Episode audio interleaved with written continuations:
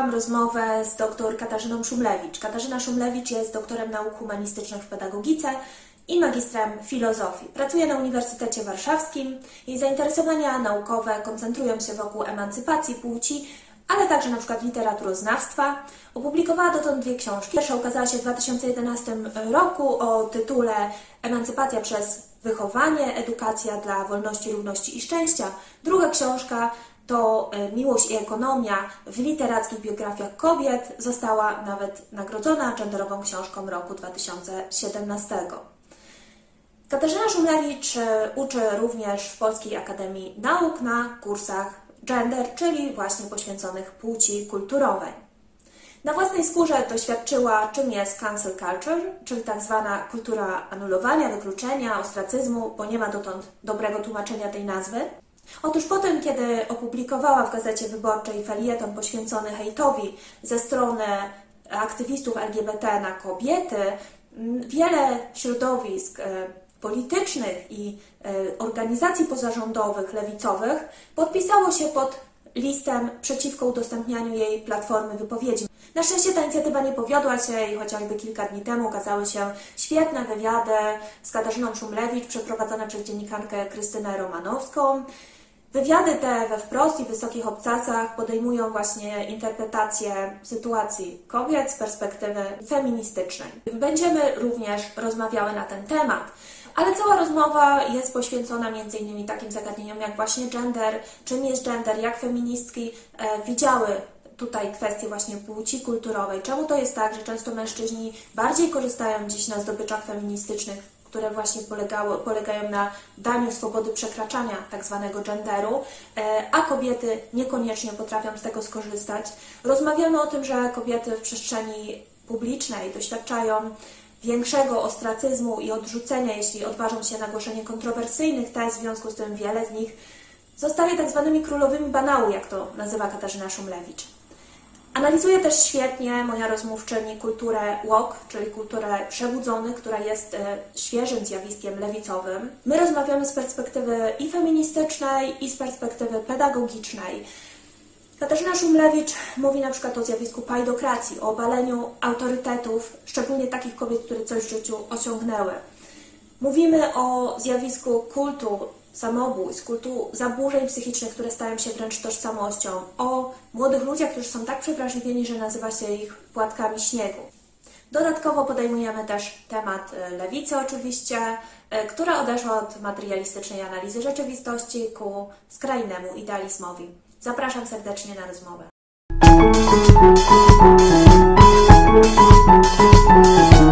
Pierwsze moje takie pytanie nawiązuje do tego tekstu e, z wprost, bo czytałam wywiad i to jest no, bardzo interesujący wywiad, kilka ciekawych wątków tam e, poruszasz e, z Krystyną chyba Romanowską, tak, z dziennikarką. Tak jest. I pierwszy taki motyw, który mi się wydaje może zainteresować, to są mężczyźni, którzy wykorzystują w jakiś sposób, przynajmniej ja tak zinterpretowałam tą wypowiedź, zdobycze feminizmu po to, żeby jakby uzyskiwać jeszcze dodatkowe wsparcie od kobiet. Tak y, to zrozumiałam, bo tam mówicie o tym, że to nie będziesz szła sama, czasami zmienia się w taki no, y, w, w, taką sytuację, że oczywiście tak, to wtedy, kiedy mężczyzna idzie do mediów, potrafi pięknie opowiadać o progresywnych postulatach, potrafi to robić e, w social mediach, natomiast kiedy kobieta na przykład zachodzi w ciąży, no to ją zostawia, odchodzi, albo nie potrafi się zająć dzieckiem. I właśnie od tego chciałam mm, zacząć, żebyś troszeczkę może rozwinęła, jeśli możesz właśnie y, ten motyw. Bardzo chętnie. E, wygląda to tak, że przestrzeń publiczna, e, ta przestrzeń społeczna nie jest równa pod względem płci. Mężczyźni zajmują w niej pozycję uprzywilejowaną i to na takim, mm, na takim poziomie wręcz naszych odruchów. Jak szukamy autorytetu, szukamy kogoś, kto się na czymś zna, to szukamy mężczyzny w średnim wieku, który ma cechy klasy średniej lub wyższej. To jest śmieszne, zważywszy na dane ilościowe, jakie mamy E, do, do zinterpretowania, z których wynika, że w Polsce e, stosunek ludzi z wyższym wykształceniem e, wygląda tak, że jest to 60% do 40% na korzyść kobiet. Czyli to szukanie wzrokiem zawsze mężczyzny jako tego, kto nam powie coś, czego my nie wiemy, jest nieuzasadnione chociażby pod tym względem, ale mamy to bardzo mocno wszczepione i ja to rozumiem jako pojęcie gender, a nie to, że mamy sobie wybierać tożsamość ponieważ pojęcie gender e, w, w, myśli feministycznej oznaczało właśnie dokładnie takie odruchy, czego się spodziewamy po kim. E, I o ile, jeżeli mamy problem z dzieckiem, jeżeli mamy problem z emocjami, jeżeli potrzebujemy otuchy, to zwracamy się do pierwszej napotkanej kobiety, czy kobiety, której wygląd mówi, że kimś takim mogłaby być. Natomiast kiedy potrzebujemy mądrości odruchowo, jak słonecznik ku słońcu, zwracamy się do mężczyzn mężczyzn.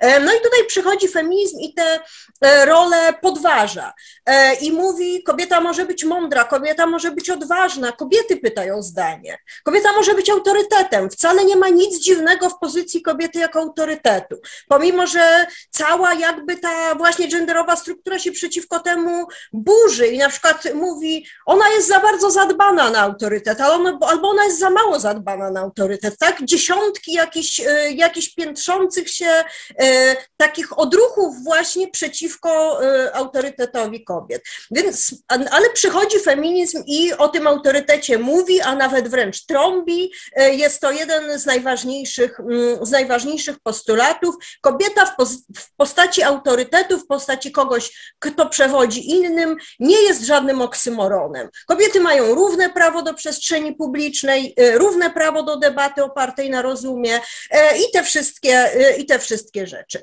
E, I w tym momencie e, mamy jakby postulat, który jest postulatem racjonalnym, ale mamy też swoje irracjonalne uprzedzenia, e, jako ludzie wychowani w jakiś, w jakiś określony sposób. I te uprzedzenia wyglądają tak, że mm, wciąż od nowa się to dzieje, że tutaj, e, że tutaj kobiety potrzebują jakiegoś przewodnika, że ludzie mają przekonanie, że kobiety potrzebują e, jakiegoś przewodnika. E, I wtedy no, pojawiają się w, w, tym, w tej krytyce tych uwarunkowań genderowych, pojawiają się, pojawia się też krytyka w stosunku do mężczyzn. Mężczyźni są także krzywdzeni tym, e, tym genderem. Feminizm podważył, e, podważył tę e, oczywistość tych uwarunkowań. W związku z czym mężczyzna nie musi być przywódczy, odpowiedzialny, odważny, dominujący, no cały, cały zestaw takich pozytywnych i negatywnych wartości. Przede wszystkim e, mężczyzna w tym, w tym uwarunkowaniu jest przywódcą. Mężczyzna nadaje ton dyskusji, mężczyzna wie, o czym mówi. E, I tutaj e, rozmawiałyśmy kiedyś prywatnie nawet o tym, że wiąże się z, to, z pewną dezywolturą mężczyzn. Ja to nazywam miejscami bez głowy. Mężczyźni się w ogóle nie boją wypowiadać publicznie i czasem robią szarże w związku z tym. Niemniej jednak mają taką E, mają takie coś, czego ja bym życzyła każdej kobiecie, że się nie boją e, wypowiadać. E, I, i, tutaj, i tutaj mamy w, w, tym momencie mamy tych, tych mężczyzn, którzy mają prawo nie być przywódczy, mają prawo nie być odważni, mają prawo być delikatni, mają prawo płakać. E, mają prawo wszystkiego tego, co, e, do wszystkiego tego, co, do czego prawo mają w, no w tej takiej genderowo ustrukturyzowanej rzeczywistości kobiety. I co się dzieje? Mężczyźni korzystają z tego prawa, na przykład zaczynają się nad sobą rozczurać, jak wcześniej nie mogli, ale nadal dominują sferę publiczną publiczną. Nadal ich głos jest częściej słuchany, nadal są, e, nadal nawet jak są właśnie, jak robią jakieś szarże zupełnie, e, zupełnie bez e, sensu albo idące za daleko, to im się powie, stary chyba przegiąłeś, ale gdybyśmy my coś takiego zrobiły, to byśmy były po prostu wykluczone ze sfery publicznej za powiedzenie czegoś, co jest na przykład bardzo, bardzo wyraźnie niezgodne z rozumem. I ta, I ta nierówność jest bardzo intensywna i przejawia się chociażby w takich rzeczach, że kobiety się boją popierać inne kobiety. I to jest, to, to jest dla mnie mm, jedna z takich najtrudniejszych rzeczy w tym całym, w tym całym genderze, tak? Bo tu bo chodzi mi o to, ja jestem z tego nurtu, który uważa, że te uwarunkowania genderowe nie zawsze są złe. Nie zawsze jest tak, że jak ktoś całkowicie złamie wszystkie uwarunkowania genderowe, to, to zrobi coś wspaniałego. Wcale nie widzę nic złego w tym, że kobiety są opiekuńcze. E, wcale nie widzę, bez tej opiekuńczości społeczeństwo by prawdopodobnie upadło, gdyby wszyscy mieli ten gender męski, czyli ryzykowanie, agresja, e, mądrzenie się, i, i, i, inne takie rzeczy. Tak więc te, te rzeczy nas jakby tak kleją społecznie, tylko że one tak naprawdę nie mają płci. Empatia nie ma płci. Właśnie e, chciałam, e, jeśli mogę, Rozum nie ma płci. Ciężko tak y, tutaj wejść w słowo pewnie trochę, bo, bo mam trochę tych wątków. Mm, chciałam rozwinąć jeszcze, żebyś ty rozwinęła, e, bo właśnie mówisz, że ty, ty mówisz, że gender nie jest zły. No właściwie jeśli to nie, te cechy nie mają płci, no to przekraczamy, robimy to, co feminizm moim zdaniem jakby no postulował, czyli że y, jest to nieprzypisane do płci biologicznej, czyli zarówno mężczyzna, jak i kobieta może być y, dominujący albo opiekuńczy, tak. Mhm. albo y, dominująca, władcza i nieopiekuńcza, tak, czy, y, czy cokolwiek. Natomiast z tego tekstu, z tego wywiadu, to ja jakby wnioskowałam, że dzieje się tak, że mężczyźni na tym przekraczaniu genderu skorzystali, bo mogą tą słabość okazać, a kobiety właśnie nie w pełni, ponieważ nadal tych przywódczyń jest bardzo mało, czyli mężczyźni dostali prawo do wrażliwości, do wyrażania emocji, a kobiety y, niby dostały prawo do bycia w przestrzeni publicznej, do przewodzenia, ale jednocześnie coś się dzieje takiego, że nie, że nie przewodzą. No właśnie. Tak. I ty to potem rozwijasz, i to jest właśnie też bardzo interesujące, bo mówisz o y, tym, że my opowiadamy banały, bo trzymamy się y, no, wytyczonej ścieżki, jakby, tak? Nie. Y, mówimy to, co można powiedzieć, co wypada powiedzieć nadal, co już społeczeństwo zaakceptowało. E, I nie wychylamy się, ponieważ nas to dużo kosztuje. Dostajemy w zamian ostracy. Mogłabyś o tym więcej? Tak, tu, są, tu jest parę wątków. Y, po pierwsze, ten wątek rodziny, związku czy innych relacji y, tworzonych z mężczyznami. Tutaj y, zaczyna to wyglądać tak, że z rewolucji skorzystali mężczyźni, bo mają, mogą żądać przytulenia i mogą żądać tego, czego ten twardy mężczyzna tradycyjny nie za bardzo mógł żądać, ale nie rezygnują ze swojego, ze swojego przywileju, w związku z czym wygląda to tak, że nadal y, jakby czują się przywódcami w sensie nadawania znaczeń, natomiast przywódcami jako y, funkcją związaną z odpowiedzialnością przestają być. W związku z czym bardzo dużo rodzin wygląda tak, że wszystko w nich robi kobieta łącznie z tymi funkcjami takimi nazwijmy je kapitana, y, Natomiast to nie ona wyznacza porządek w tej rodzinie. To nie ona, y, znaczy jest, y, jest nierównowaga pracy, y, w ich imieniu mówi on, on w ogóle mówi więcej, on w ogóle mówi dosadniej, I to mm, no, i takie, takie coś się tworzy y, w tym sensie, nie wiem, no, nie wiem, czy oczekujesz ode mnie wartościowania, w tym sensie wydaje mi się, że jest uzasadnione to, że kobiety tęsknią często za tym starym typem mężczyzny, bo, ponieważ był on, ponieważ posiadał on parę zalet, które są potrzebne. E, potrzebne są w każdej grupie ludzkiej i potrzebne są zwłaszcza, jeżeli chodzi o dzieci. E, dzieci muszą mieć kapitana.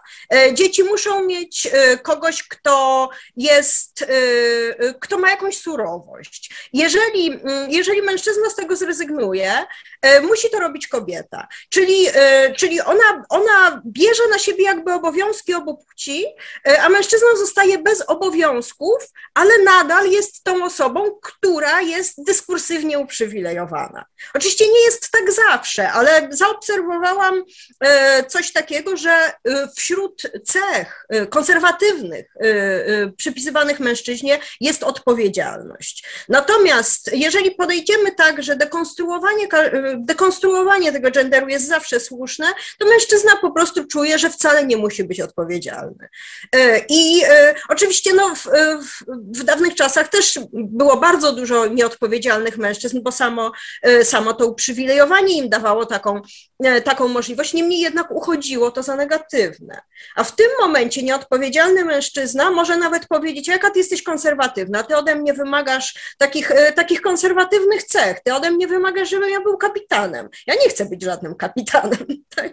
I, i, e, no i tutaj, e, i tutaj mamy jakby zarówno tę pracę opiekuńczą, jak, jak i tę pracę organizacyjną zrzuconą na barki kobiet, ale pod szyldem progresywizmu. Tak, to mówisz o wymiarze rodziny, a miałam wrażenie, że odnosiłaś to też do e, jednak kwestii sfery publicznej, polityki, władzy, nie wiem, zarządzania, tak? Tak przynajmniej ja tam odebrałam, że kiedy mówiłaś o tych banałach, o, to mówiłaś o kobietach, które się jednak wypowiadają na przykład w mediach, tak? Albo. No... Ja bardzo chętnie o tych banałach powiem, bo to, jest, bo to jest moja obserwacja już od długiego czasu, że tak, mamy w sferze publicznej dużo kobiet. E, przestały obowiązywać te ograniczenia, że na przykład w sferze publicznej tylko młode kobiety tylko takie kobiety, które są ozdobą. E, no, czyli te rzeczy, o których pisała na przykład Naomi Wolf w, e, w Micie Urody. Przestało obowiązywać takie odsyłanie kobiety do domu, czyli to, o czym pisała z kolei Betty Friedan w Mistyce Kobiecości. Mamy prawo być w, w przestrzeni E, publicznej, ale jesteśmy inaczej oceniane. E, I e, jesteśmy oceniane pod kątem mnóstwa rzeczy, pod, pod kątem których mężczyźni w ogóle nie są oceniani, nawet im do głowy nie przyjdzie. Na przykład ja zauważyłam coś takiego, że jak mamy takich charyzmatycznych mówców, czy, czy jakichś takich właśnie mm, osób mocno wpływających na na opinię publiczną influencerów, tak? Chociaż to, to, brzmi tak trochę e, negatywnie, a chcę powiedzieć pozytywnie, to oni na przykład robią uporczywie te same błędy językowe. Nikt im nie powiedział, nie przyszło im do głowy, żeby tak super krytycznie do siebie podchodzić. Nie przyszło im do głowy, żeby y, zwiększyć jakby profesjonalizm swojego y, przekazu. Dlaczego? Ponieważ oni nie mają tego perfekcjonizmu, który mamy my. My też go nabywamy bardzo wcześnie, jak nie w domu, to w szkole. Dziewczynki muszą być kujonkami, muszą być grzeczniutkie, muszą być y, od linijki. One też będą docenione wtedy, kiedy będą właściwie lepsze y, niż ci chłopcy, a nie równe. Mm, e, I tutaj, e, i to, i to widzę u dorosłych kobiet, widzę też u siebie, e, że straszny taki, taki, taki wstyd, że coś, że z czymś się mogłam, nie wiem, że mogłam mieć rozmazany makijaż na oku, tak? I widzę w takiej dezywolturze mężczyzn, że oni się o, o coś takiego w ogóle nie, w ogóle nie, nie martwią. E, tak, tak samo jest z hejtem. E, hejt e, jest inny kierowany do mężczyzn, inny do kobiet. Mężczyzn się wyzywa w taki sposób, że mm, nie wiem, że, że są idiotami, że są debilami, że są, nie wiem, że ich rodzina jest głupia, no różne takie rzeczy, ale takie fizyczne ataki E, takie dotyczące, takie wręcz fizjologiczne jakieś ataki mówiące o, o, o, o nie wiem, jakichś uszkodzeniach ciała czy takich rzeczy, otrzymują kobiety. E, I tutaj, e, I tutaj trudno mi powiedzieć dlaczego, natomiast ta statystyka, no ja założę się, tak, że tutaj, że ona że ona tak, tak wygląda, w związku z czym ten hejt jest też inny, kobietom jakby grozi więcej. Ale nawet jeżeli nie ma hejtu, jeżeli jest jakaś krytyka, to u kobiet znajdziemy znacznie więcej krytyki, na przykład tego, że e, o matko połknęła jakieś słowo, o matko powiedziała tą zamiast tę, nie wiem, e, coś takiego. Takie rzeczy, które u tych autorytetów męskich w ogóle, w ogóle nikomu nie wchodzi, do, nie przychodzi do głowy, żeby coś takiego, e, żeby coś takiego zauważyć. Czyli jesteśmy cały czas traktowane jak taka, nie wiem, kujonka, która poszła do odpowiedzi. I się strasznie przejmuje, że, że dostała 5 plus, a nie 6. I tu, mm, i, i tu mamy, i, i tu mamy duży z tym problem, e, duży problem z tym, co powiedziałam też wcześniej, tak? Mamy ten gender, mamy być takie miłe i grzeczne, e, mamy być też perfekcyjne. Jak już chcemy coś powiedzieć, to musimy to powiedzieć bezbłędnie, bo inaczej do naszego błędu się każdy przyczepi. E, I, no i co się co się wtedy dzieje? Te kobiety, których jest dużo w tym momencie w sferze publicznej i które często do tej sfery publicznej weszły no jakimś kopniakiem, jakimś, e, jakimś takim moc, mocno weszły, bo weszły jako feministki, czyli podważały jakąś zupełną e, oczywistość, weszły dużym kosztem, bo spotkał je wtedy hejt, ale się udało. Te drzwi zostały wyważone, weszły, powiedzmy 20 lat temu. E, I co? E, co one teraz mówią? Czy one nadal są takie pod prąd? Ale gdzież tam? E, tu, tutaj mamy, no nie wiem, mamy szereg zjawisk, które ja określam, no trochę tak, trochę tak dla siebie, jako królowe banału. Czyli, że kobiety istnieją w, w sferze publicznej po to, żeby mówić rzeczy oczywiste, które i bez nich byłyby oczywiste. Na przykład, że świat jest y, y, ani czarny, ani biały. To jest taka typowa, to jest takie typowe stwierdzenie królowej banału. Albo, że wszyscy mamy prawo y, czuć się szczęśliwi. Albo no takie mnóstwo takich, takiej waty informacyjnej, która, która potem otrzymuje bardzo dużo lajków i udostępnień, ponieważ no jest oczywista, więc, więc nie jest też kłamstwem. Y, jest też często kompletną tautologią. Y, I tutaj no, można tego przykłady tego mnożyć, ja może to, mm, może to w dalszej części e, zrobię, e, ale no tutaj czuję jakieś wielkie rozczarowanie. No kobiety, po których spodziewam się e, takiego, takiej, takiej walki na miecze w tej sferze publicznej, takiej bojowości, takiego nonkonformizmu, asertywności, tego wszystkiego, co się z feminizmem kojarzy. W niektórych sporach w ogóle udają, że nie wiedzą o co chodzi, ponieważ można zarobić jakimś wykluczeniem skądś tam, albo zajmują e, pozycję w tym sporze, ale zawsze jako sojuszniczki jakichś mężczyzn, jako, albo jako godzące jakieś dwie strony, które są bardzo radykalne. Czyli taka rola dziewczęca, kobieca, bardzo tradycyjna, tylko po tej, e, tylko po tej progresywnej stronie. Mamy taką, mm, takie pojednawczynie właśnie. Tu się, tu, tu się naparzają jakieś dwie grupy i, i kobieta wtedy musi, jest od tego, żeby powiedzieć, ty masz trochę racji i ty masz trochę racji, podajcie sobie ręce. E, nie może e, nie może zabrać e, sama głosu jakoś wyraziście, ponieważ wtedy może się okazać, że ktoś jej będzie nie lubił, no, albo że komuś.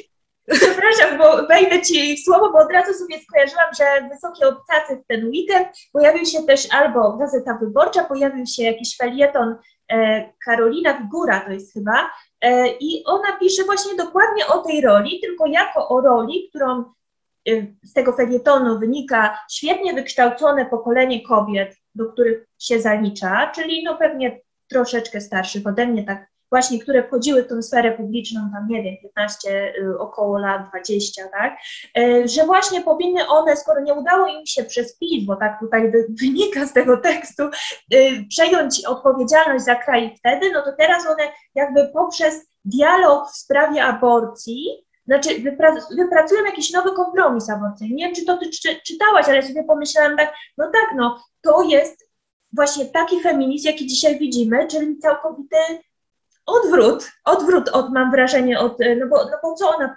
przekazała jakby, no typowo kobiecą rolę. Oni y, skazali ileś kobiet, mężczyźni na, na cierpienie swoją jakąś, nie wiem, brakiem koncyliacyjności czy y, brakiem zdolności do kompromisu i teraz przyjdzie nowe pokolenie kobiet, jeśli dostanie szansę jakieś tam, nie wiem, trójkę na liście nie wiem, opozycyjnej czy coś, no to wtedy one, nie wiem co, albo powołają jakąś organizację przy rządzie i będą prowadziły dialog z katolikami w sprawie wypracowania ponownie kompromisu. No tak wynika z tego tekstu i ty często mówisz, żeby zadać jakieś takie pytanie, może, bo ty mówisz często też, że no właśnie obserwujesz backlash tak zwany, czyli e, tak, czyli no e, odwrót właśnie od e, postulatów feministycznych, no nie wiem, czy od ruchu całego, bo ruch niby funkcjonuje, ale, ale ten feminizm zaczyna być znowu roz, rozumiany jako właściwie powrót kobiety do tradycyjnej roli. Tak, to jest feminizm, który unika słowa kobieta.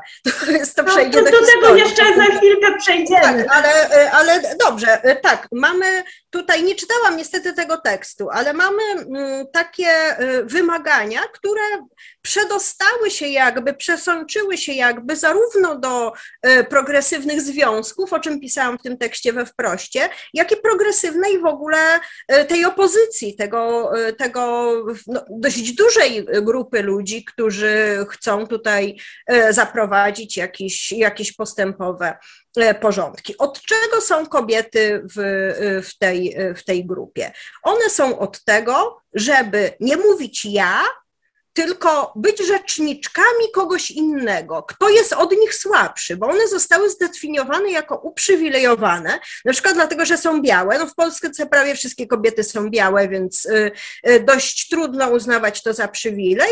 Mm, tak samo, że nie są, że nie są transpłciowe. To jest, to jest jakiś wielki, y, to jest jakieś wielkie uprzywilejowanie. W związku z czym mają się, kobiety mają się zajmować każdej grupie, której jest źle, z, domy, z domyślnym założeniem, wrażeniem, że im jest dobrze, że im jest już za dobrze nawet. E, I to jest, to jest tak strasznie tradycyjne. E, nie wiem, że, że, że ludzie inteligentni, którzy siedzą już w tej sferze publicznej po 20 lat, tego nie widzą. To jest takie odsyłanie do garu w wersji progresywnej. Ty jesteś nie po to, żeby walczyć o siebie, ty jesteś po to, żeby walczyć o kogoś, kto właśnie uzyskał koronę w konkursie na, na ofiarę ofiar. I sobie tutaj te wszystkie pokrzyżowania policzymy i, i nam wyjdzie, kto jest najbiedniejszy, ale na pewno nie ty. I to jest, y, i to jest, y, znaczy to się działo w ruchach lewicowych, natomiast na taką skalę nigdy nie występowało. E, okazuje się, że ruch feministyczny ma się troszczyć przede wszystkim nie o kobiety.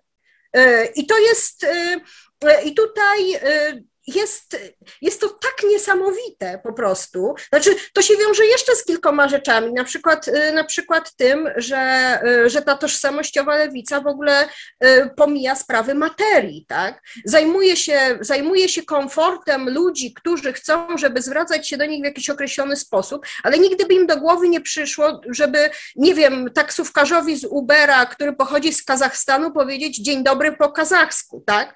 To do głowy im nie przyjdzie, bo on nie ma strefy komfortu, bo on jest po prostu uciskany materialnie.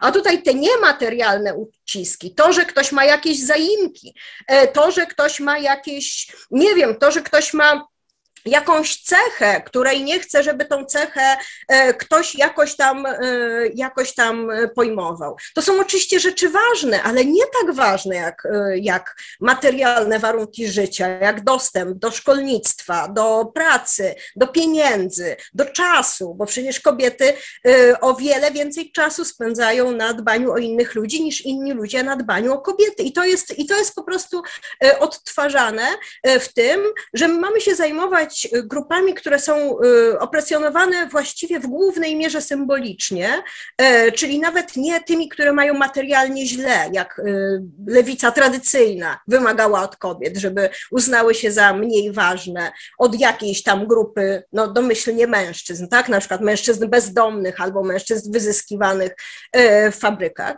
E, tak tutaj, tak tutaj mamy ten fikołek jeszcze dalej idący, ponieważ kobiety, które mają na głowie tę ustawę antyaborcyjną, aborcyjną, mają na głowie całe uwarunkowania nierówności rodzinnej, e, nierówności w sferze publicznej i całej masy innych nierówności, które się odbijają na ich materialnym życiu, e, kobiety mają się zajmować tym, że komuś jest przykro, gdy powiedziano jakoś. W związku z tym mają zmienić cały swój język. To jest, e, znaczy, ja jestem pewna, że to przejdzie do, do historii jako coś szalonego w tym momencie, ale i co się dzieje, co robią królowe banału, jak to widzą? Otóż nie robią nic albo się dołączają. dołączają się, ponieważ zostały zaszantażowane emocjonalnie. A kobieta tradycyjna jest osobą, którą się bardzo łatwo szantażuje emocjonalnie na zasadzie Jezu, jak ty, jak ty możesz mnie w tym momencie nie przytulić, kiedy mnie jest źle? I to jest komunikat do kobiet, ale proszę zwrócić uwagę, to jest komunikat do kobiet, który u dzieci jest jakoś uzasadniony, chociaż też nie należy tych dzieci jakoś tak rozpieszczać, żeby zawsze przebiegać, jak chcą być przytulone. Ale dorosłych ludzi w ogóle nie mamy obowiązku przytulać. Żadnego. A jeżeli panowie uważają, że powinniśmy przytulać, yy, powinnyśmy przytulać, to niech sami przytulają jeżeli ta empatia jest czymś takim obowiązkowym. Ale ona właśnie w ogóle nie jest obowiązkowa. Sfera publiczna, ta, no ta jeszcze wymyślona przez jakiś tam e, Rusokanta czy innych, którzy ogólnie nie przewidywali kobiet, e, ale ta, ta sfera publiczna była oparta na rozumie, na argumentach. A my w sferze publicznej mamy się opiekować, przytulać, e, być empatyczne, e, odpowiadać na każdy szantaż emocjonalny. Jak możesz na mnie nie patrzeć, kiedy mi jest źle? Jak możesz mnie nie walidować? To jest takie nowe słowo, które jest dla, dla mnie jakimś takim kwintesencją. Kobiety są od walidowania. No tak jak dziecko przyszło e, ze szkoły i powiedziało, Jasio mnie pobił. Kochany, będzie dobrze, pogodzicie się. To z tego są kobiety. Tylko, że my nie, my nie mamy tego, my mamy ten obowiązek w stosunku do swoich dzieci jako matki, ale nie mamy tego obowiązku wobec, wobec Jasia czy Krysi, którzy są naszymi um, dalekimi znajomymi y, z ruchu na rzecz praw jakichś tam.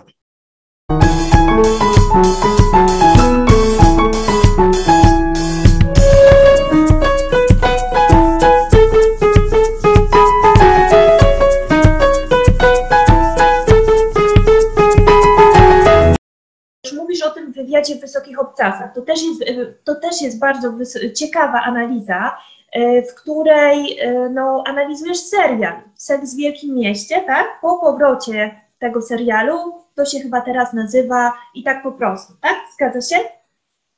Tak jest. Tak. I właśnie tam po bardzo ciekawej właśnie analizie tego, jak zachowują się bohaterki tego serialu, które teraz są, rozumiem, już po pięćdziesiątce, i z, ze spełnionych kobiet, wyzwolonych, takich bardzo prowadzących hedonistyczny nawet styl życia, stają się osobami, które no jakby Twoim zdaniem odczyniają pokutę za te lata swobody i wolności. Ale najgorsza z tego wszystkiego taka jest ta Twoja konkluzja, że no, karty zostały właściwie rozdane, że w feminizmie nic już się więcej nie wydarzy niż to, co było w latach 90. do początku 2000 no i po prostu, że już, już jakby jesteśmy w takiej pułapce. Mogłabyś trochę więcej o tym powiedzieć? Czemu, czemu tak, tak myśli? Ten, w ogóle ten, co do tego doprowadziło, tak? Co, co doprowadziło? Nowy serial jest, y, jest niesamowicie, jak dla mnie, mocnym takim odzwierciedleniem y, rzeczy, które się dzieją na pograniczu praw kobiet i kultury woke, czyli tej kultury e, przebudzonych, tej kultury hiperwrażliwych, tej kultury, która z tożsamości robi e, swój, swoje godło i, i dla której tożsamość jest czymś świętym i każda tożsamość musi być, no jak mówiłam, walidowana, musi być, nie, nie może być krytykowana osoba o tej tożsamości, a kobiety e, zostały uznane tutaj za e, uprzywilejowane, no zwłaszcza takie kobiety jak te bohaterki seksu w Wielkim Mieście, czyli białe i dość zamożne i ładne.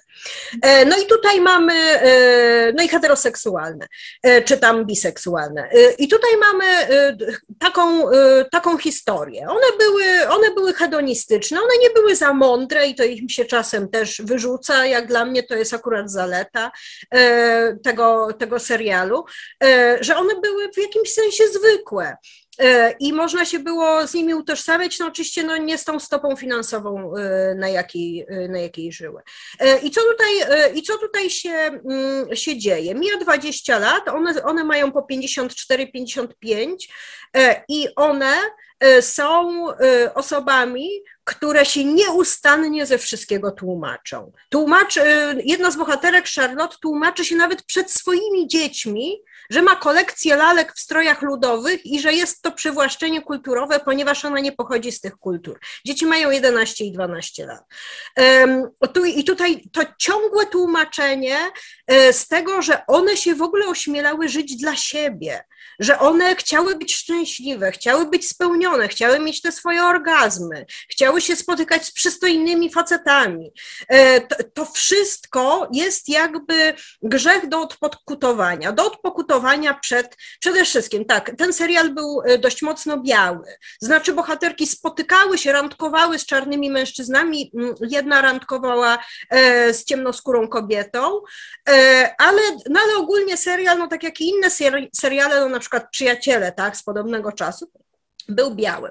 Więc pierwsza pokuta dotyczy y, osób czarnoskórych. E, I tutaj są w tym serialu, wygląda to tak, że wszystkie osoby niebiałe mają we wszystkim rację. E, I są po prostu y, osobami, które pouczają bohaterki, a te bohaterki, tak jak nasze królowe banału, kulą się i mówią, to ja się douczę. Czyli, czyli te postaci czarne to nie są pełnokrwiste postaci czarnych osób, tylko to są po prostu jacyś tacy mentorzy, którzy, którzy przychodzą i mówią, a teraz się zaimków używa tak, a teraz y, się nie mówi w taki sposób. I tutaj naj, najstraszliwsza przemiana mm, dotyka Mirandy, która była, e, nie wiem czy oglądałaś, była najinteligentniejszą z tych, e, z tych czterech dziewczyn i najbardziej taką feministką, najbardziej asertywną. W dodatku była prawniczką wziętą. Czyli świadczyło to o tym, że jest inteligentna i że umie się znaleźć w różnych sytuacjach. Nagle, nagle się okazuje, że ona, się, że ona nie umie rozmawiać z czarnymi osobami.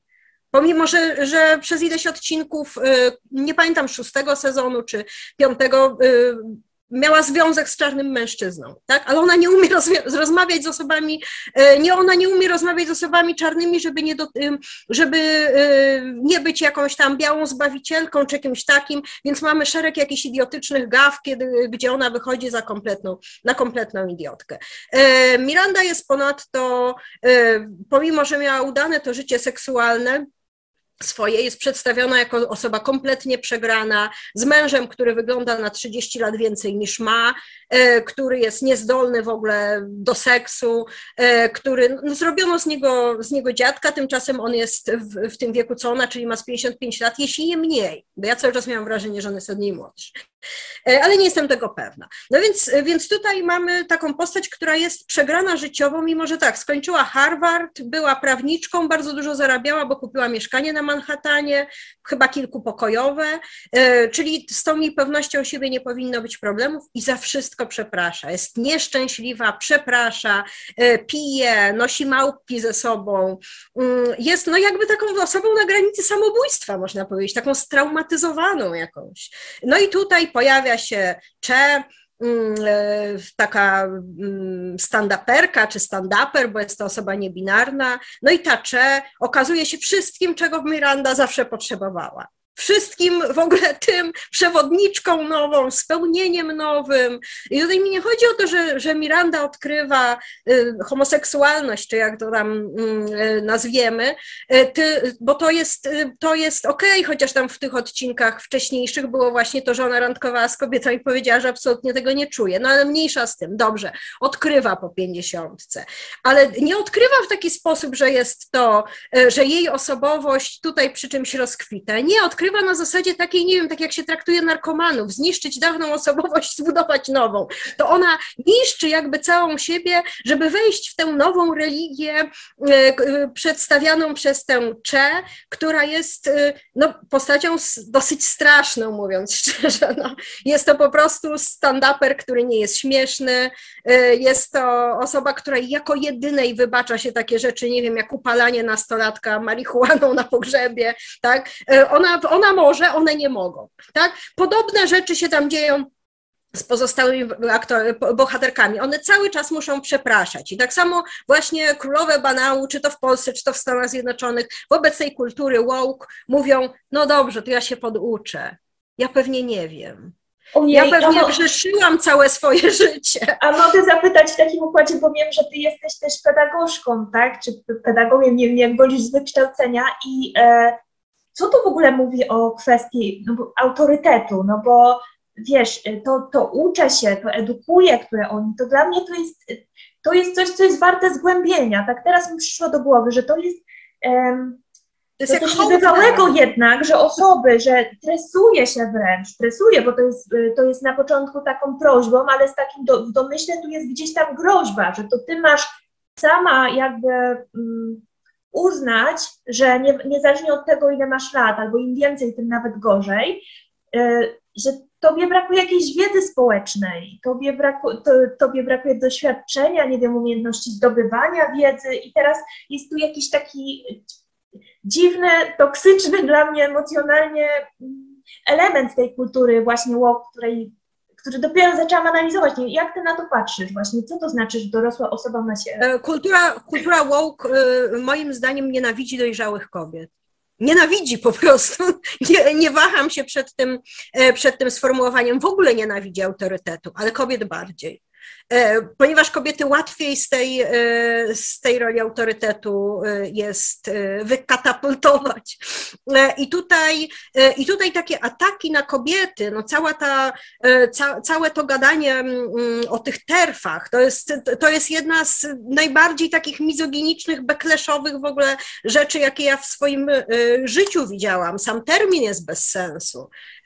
Transexklużynary, czyli wykluczanie osób trans, no, która z tych kobiet prześladowanych wykluczała osoby trans, po prostu nie zgodziły się na jakieś szalone pomysły tych osób trans, części osób trans, przecież to nie są wszystkie e, osoby trans, czyli na przykład na jakieś takie pomysły, że trans kobieta się anatomicznie nie różni od kobiety, tak? W związku z czym męską anatomię musimy uznać za kobiecą. No przecież to jest, e, to jest nonsens logiczny, a nie wykluczanie kogokolwiek.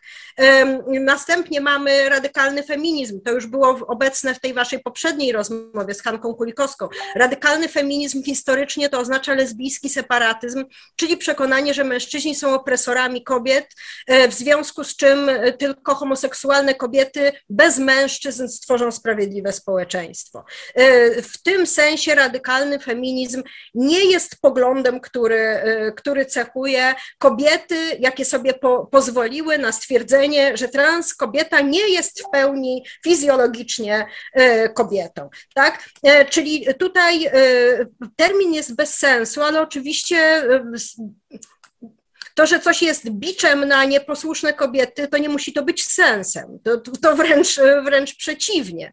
No więc tutaj więc tutaj mamy, y, mamy taki, taki bicz, taki, taki młot na czarownicę e, i, e, no i mamy właśnie te kobiety, zwłaszcza te kobiety dojrzałe, e, te kobiety, które sobie pozwoliły na to, że mają jakiś autorytet, albo nie tylko autorytet, mają jakieś doświadczenia seksualne, mają jakieś pieniądze, mają jakieś tytuły.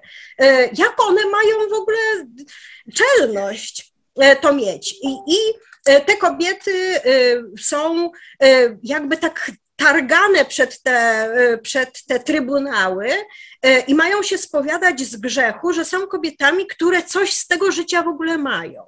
Jak one y, śmią być, być kimś takim. I, one, I wtedy bardzo dużo kobiet po prostu posłusznie przeprasza i mówi, to ja się douczę.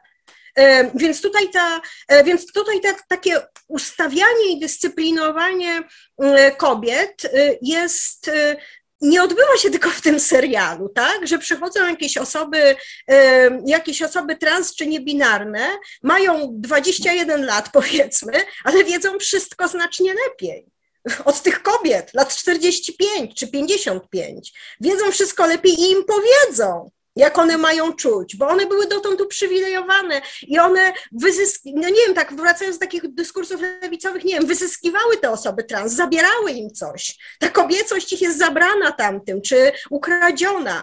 E, one się muszą z tego wytłumaczyć i one muszą przede wszystkim powtarzać jak mantrę, że te trans kobiety są takimi samymi kobietami jak one, a nawet bardziej są kobietami, ponieważ to te, te, te straszliwe takie y, te, te terminy, osoby menstruujące, ciała rodzące, osoby z macicami, e, to jest, to jest też takie upokarzające umieszczenie kobiet gdzieś tam e, w, w rezerwuarze narządów. Nie wiem, jak ja to słyszę, to się czuję jak dawca narządów nie wiem, tak jakbym była po wypadku i ludzie z płucami nie, e, nieuszkodzonymi. Są bardzo, ciała z płucami są bardzo mile widziane, bo ktoś potrzebuje no. przeszczepu.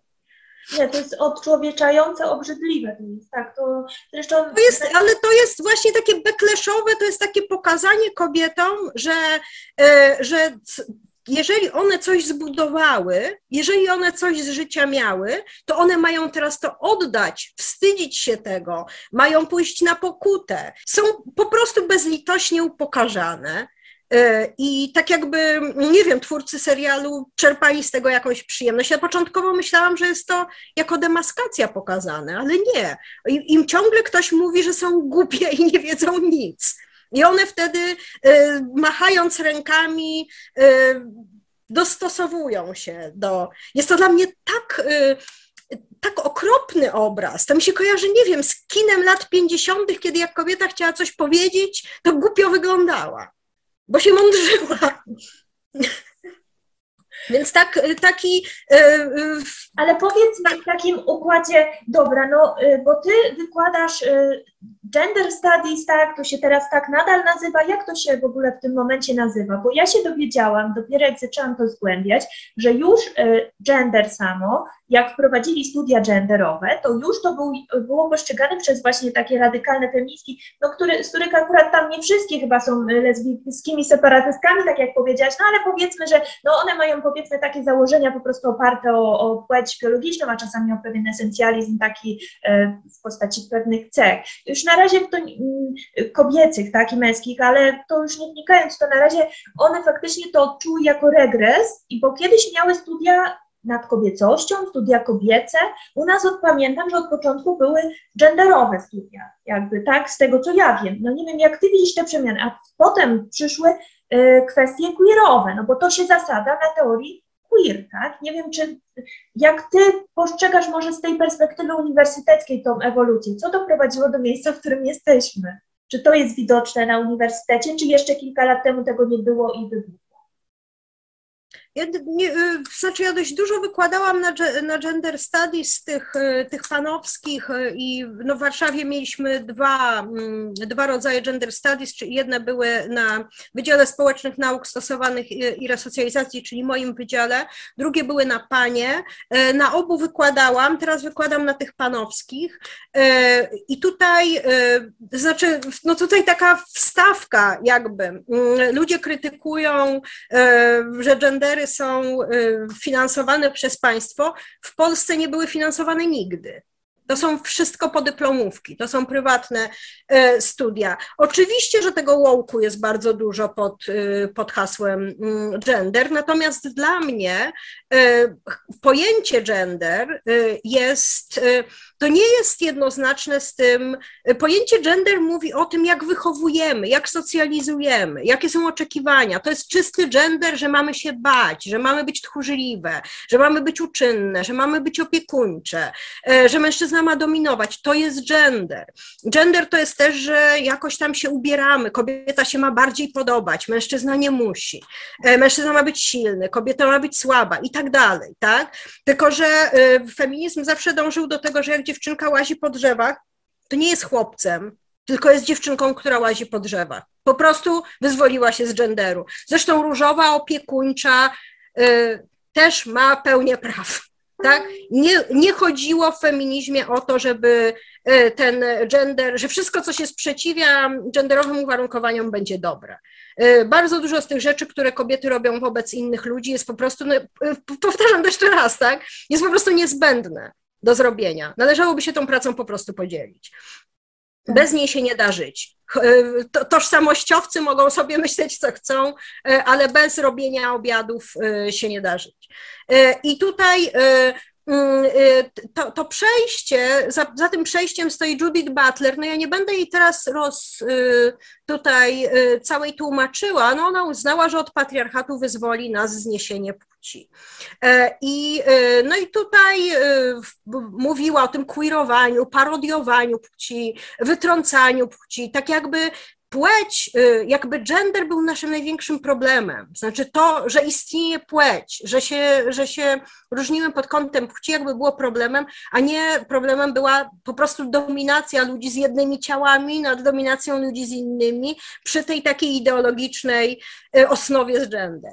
No i tutaj E, no i tutaj e, z Butler polemizowała moja ulubiona filozofka mm, Marta Nussbaum, która się zajmuje naukowo, ona mówiła, no ciekawe w jaki sposób ci ludzie, którzy chcą obrzezać dziewczynki, rozpoznają ten konstrukt, ten konstrukt kobiecości. W jaki sposób ci, którzy karmią lepiej synów i wysyłają ich do szkoły, podczas gdy dziewczynka e, sprząta w mieszkaniu, w jaki sposób oni, e, oni tak bezbłędnie ten konstrukt odczytują. I tutaj zdaniem Butler właśnie rozmontowanie płci będzie rozmontowaniem patriarchatu. Zdaniem Nussbaum absolutnie nie. Oczywiście Nussbaum miała rację, to, to bardzo dawno ta polemika miała miejsce, e, nie wiem, w połowie lat 90. Mm, no i tutaj e, Akademia poszła tropem e, Butler. I mamy rozmontowywanie płci kosztem oczywiście, no wiadomo kogo, kobiet, tak?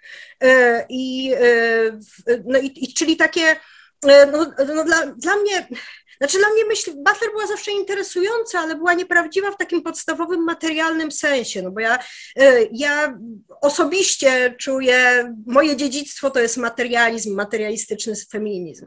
E, takie zupełne oderwanie od materii, takie, takie gry pojęciami, że jak się jakieś pojęcie e, zdekonstruuje, nie wiem, no jak się zdekonstruuje, że ktoś niesłyszący nie słyszy, to on zacznie słyszeć, tak? Coś, coś w tym rodzaju, tak jakby uciski nie były uciskami materialnymi, tylko były uciskami przez to, że ktoś używa jakiegoś słowa. I to słowo jest niemiłe. A jak przestanie używać niemiłego słowa, to, yy, to, to będzie raj. tak? E, I tutaj, e, e, i tutaj ta, to ten gender, on występuje w różnych znaczeniach, także w takim, jak ty mówisz. E, czyli w tym momencie rzeczywiście jako gender się często rozumie e, to takie rozchwianie, e, rozchwianie płci, czy tam usunięcie płci. E, ale o tym się też mówi, że to jest queer. Ja o tym mówię, że to jest woke po prostu. To jest ta tożsamościowa e, e, lewicowość, która właśnie mm, nie zagląda w ogóle do, do materialnej rzeczywistości, nie obchodzi jej materialna rzeczywistość. Ona chce, żeby wygrały pewne konstrukty dyskursywne i żeby no, społeczeństwo, żeby no w ogóle, w ogóle to jest przekonanie, że świat jest y, konstruowany, tak? Czyli, że nie ma świata tam, tam gdzie nie skonstruujemy, nie wiem. Ja miałam taką dyskusję. Mówię na przykład, no jak to płeć nie istnieje, a wiewiórki jak się rozmnażają? A wiewiórki to nie płeć. Wiewiórki to, wiewiórki to, to, to osobniki jakieś tam, y, które pełnią jakąś rolę w reprodukcji, ale to nie jest płeć. Nie ma samicy i samca u wiewiórek. Tak? No tak, Czyli... ale, oni, ale przecież oni nie są w stanie tego do końca y, zastosować. No to po co się w takim układzie łok lewica ustawia pierwsza, tak jak u nas w kraju, y, poszczepionki na COVID. No, no to już jakby kończy tą rozmowę, no bo o czym? No, no to dlaczego sobie tego nie zdekonstruują? No ja, jakby, dlaczego, dlaczego nie służby zdrowia, dlaczego chcą szkolnictwa, oświaty? No po, no po co to? Moglibyśmy żyć wyobraźnią. Dla mnie to w ogóle takie strasznie ma religijne konotacje, ale jeszcze druga rzecz, nie wiem, dzisiaj tak sobie pomyślałam, że może trzeba by było sprawdzić, jak czy da się coś z Marianią do tego zastosować z polskiego romantyzmu, albo w ogóle, po prostu w ogóle z romantyzmu, no bo Hegel to na pewno, ale po prostu tak e, jakby jest u podłoża, tylko że to jest całkowicie oderwanie, to już jest taki idealizm na bardzo wysokim poziomie. Tak? Na takim tur turbodoładowaniu. Jeszcze tak. postaram się odpowiedzieć na to pytanie o pedagogikę, e, bo dla mnie, e, dla mnie, ja napisałam taki tekst, no mam nadzieję, że się ukaże o tym, że e, że woke to jest, ten cancel culture to jest w ogóle taka dystopia pedagogiczna, e, ponieważ co to jest za świat? Jeżeli go tak e, spróbujemy zrekonstruować, ogólnie, no uprzedzam, to jest bez sensu. To jest konstrukcja, która się nie trzyma, dlatego nie mamy żadnego solidnego, jednego filozoficznego tekstu, który wyrażałby bez sprzeczności filozofię woke. Mamy tylko pokrzykiwania, ale okej, okay. jeżeli spróbujemy to zrekonstruować, mm, to, y, to widzimy, że to jest świat absolutnie pozbawiony autorytetu. To jest świat, w którym nie ma przewodników, w którym dziecko, jeżeli y, jemu się coś nie podoba, to ma rację i ma to jest, to jest dziecko, które ma, no jest, jest taki słynny obrazek, że pyta chłopiec tatę, e, jakie jest magiczne słowo, dzięki któremu otrzymam e, co tylko chcę, a tata mówi, e, znaczy tata się to pyta, a to dziecko mówi I'm offended, jestem urażony. Tak? Czyli tutaj mamy, w tym seksie w Wielkim Mieście to widać doskonale, bo tam Charlotte jest na przykład terroryzowana przez jedną z córek, która jest niebinarna. E, I zresztą zorientowała się, że jest niebinarna, kiedy zakładała sukienkę od Oscara de la Renty, tak? Czyli, e, czyli było to, była to sytuacja niezwykłego wręcz uprzywilejowania, ale mniejsza z tym. Mamy, e, więc mamy te obrażone, urażone dzieci, którym nie można się sprzeciwić, którym nie można postawić żadnej tamy, żadnej granicy, nie jest się żadnym przewodnikiem, one są we wszystkim w stu procentach mądrzejsze niż e, rodzice, nauczyciele, e, jak, jacykolwiek przewodnicy. One rządzą, one, one wyznaczają, to u nich się trzeba douczać. Proszę zobaczyć, ale jaki to jest, jaki to jest straszny obraz, jaka to jest dystopia. To jest, y, to jest po prostu coś, czym prawica straszyła zawsze, ale tutaj naprawdę się zrealizowało. Tutaj nie ma w ogóle postaci dorosłych, które byłyby dobre, a już zwłaszcza dojrzałych dorosłych. Do dorosłych, ale jeszcze którzy... jest jeden paradoks tego wszystkiego. To znaczy, jednocześnie te osoby młode to też nie są tacy młodzi, nie wiem, rewolucjoniści, rewolucjonistki w takim sensie, że reprezentują to, co młodość powinna tak stereotypowo, czyli no siłę, jakąś witalność, e, prawda? To nie. To są osoby, to są które straszą samobójstwem, to jest tak. pierwsza rzecz, to się non-stop pojawia. To są osoby, które są rozwiane całkowicie psychiczne, y, psychicznie, które no, potrzebują psychologa. Właściwie to nakręciła Lewisa wszędzie, w każdej szkole, być może stojącego Ale one potrzebują, one, tak, one potrzebują psychologa, żeby wstać rano z łóżka. Tak. I to jest uważane za dobre, bo przecież jeżeli powiemy, człowiek powinien umieć wstać z rano z łóżka, to będziemy jakimiś straszliwymi fobami e, i wywołamy u nich samobójstwo. Tak, e, pedagogicznie straszenie samobójstwem jest szalenie w ogóle e, szkodliwe. Przedstawia samobójstwo jako właściwy krok, romantyczny krok, piękny krok. Jeszcze to rozdymanie tej liczby, nie wiem, samobójstw LGBT jest codziennie o sto więcej chyba. E, według tych, e, według tych straszeń, tak?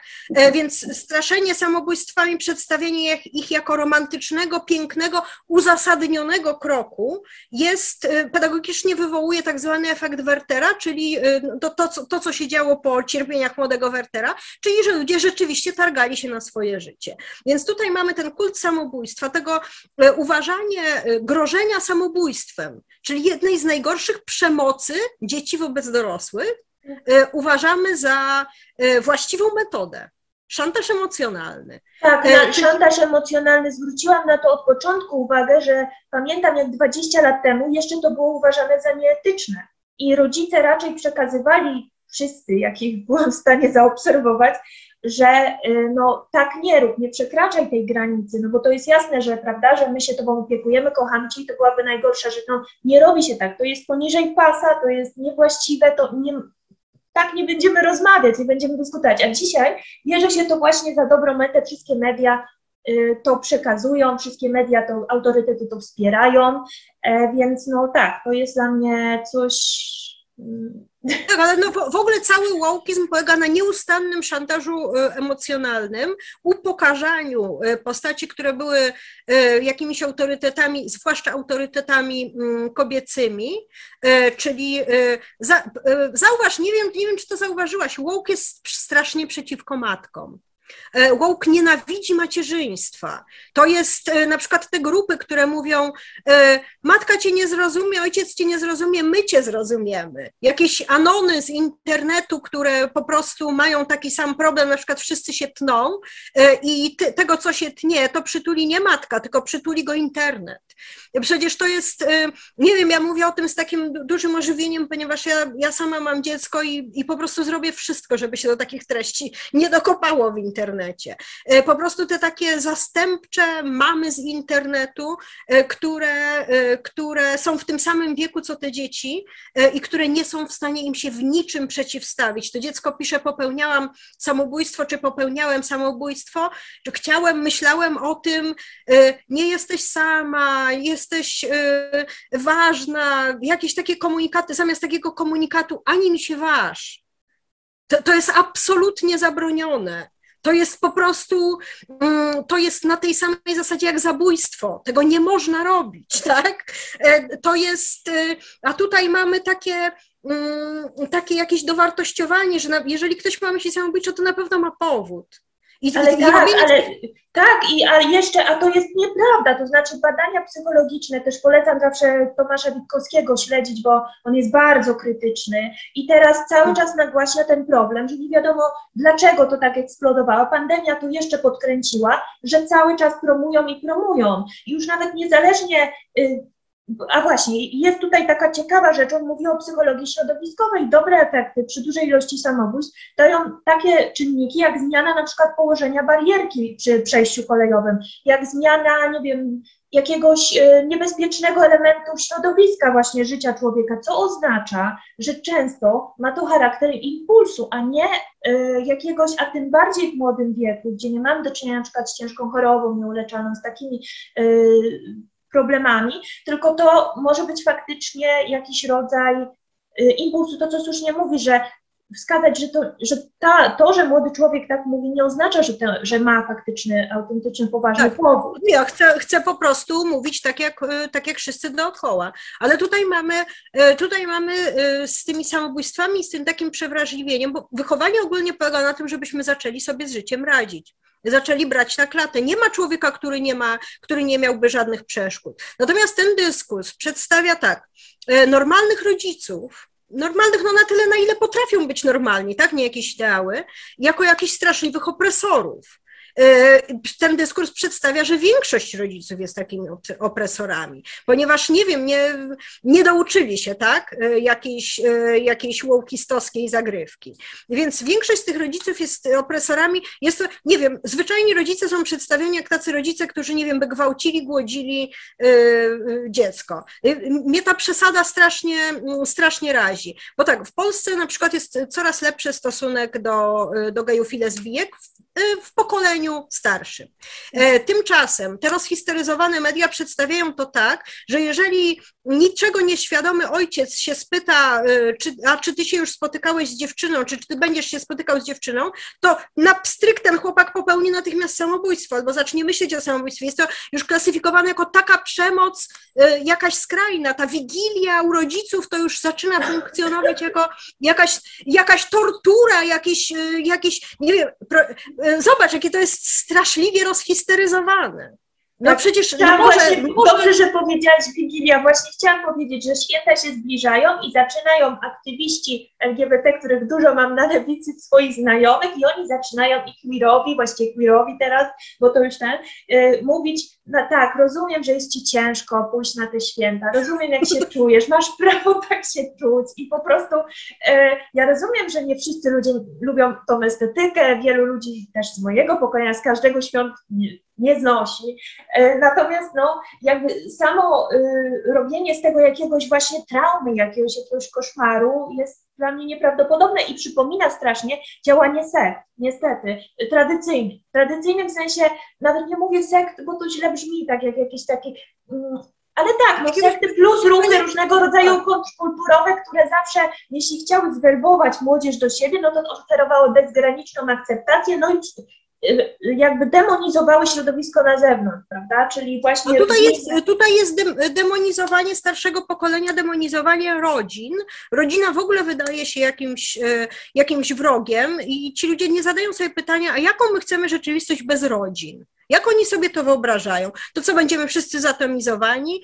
E, nie wiem, dzieci będą w jakichś domach dziecka? No bo, no bo w czym? Ludzi, którzy mieliby naprawdę tak strasznie na pieńku ze swoimi rodzinami, z rodzinami, które ich wykluczyły, e, ze względu na to, że są, że są nienormatywne seksualnie. Trochę takich ludzi jest, e, ale nie jest to, nie jest to w ogóle większość. Jest to, jest to mniejszość, której też dalsze demonizowanie, antagonizowanie, E, wcale nie pomoże. I tutaj mm, to środowisko LGBT pewnie, pewnie niecelowo, ale naprawdę robi dokładnie to samo, co Jędraszewski czyli przedstawia, e, czyli przedstawia jakąś wojnę anioła z diabłem e, o duszę, o duszę Polski. Nie dzieje się tak.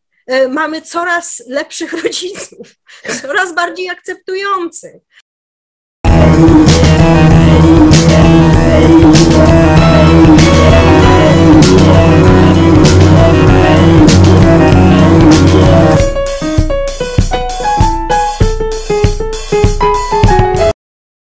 Często pojawiają się takie treści, które nawołują do y, zaprzestania jakiejkolwiek próby właśnie wzbudzenia, nie wiem, siły wewnętrznej, jakiejś wytrwałości. To się nazywa często odpornością psychiczną po prostu psychologii. Jest też takie słowo resilience, resilientność, tak, tak, taka wytrzymałość. Tak.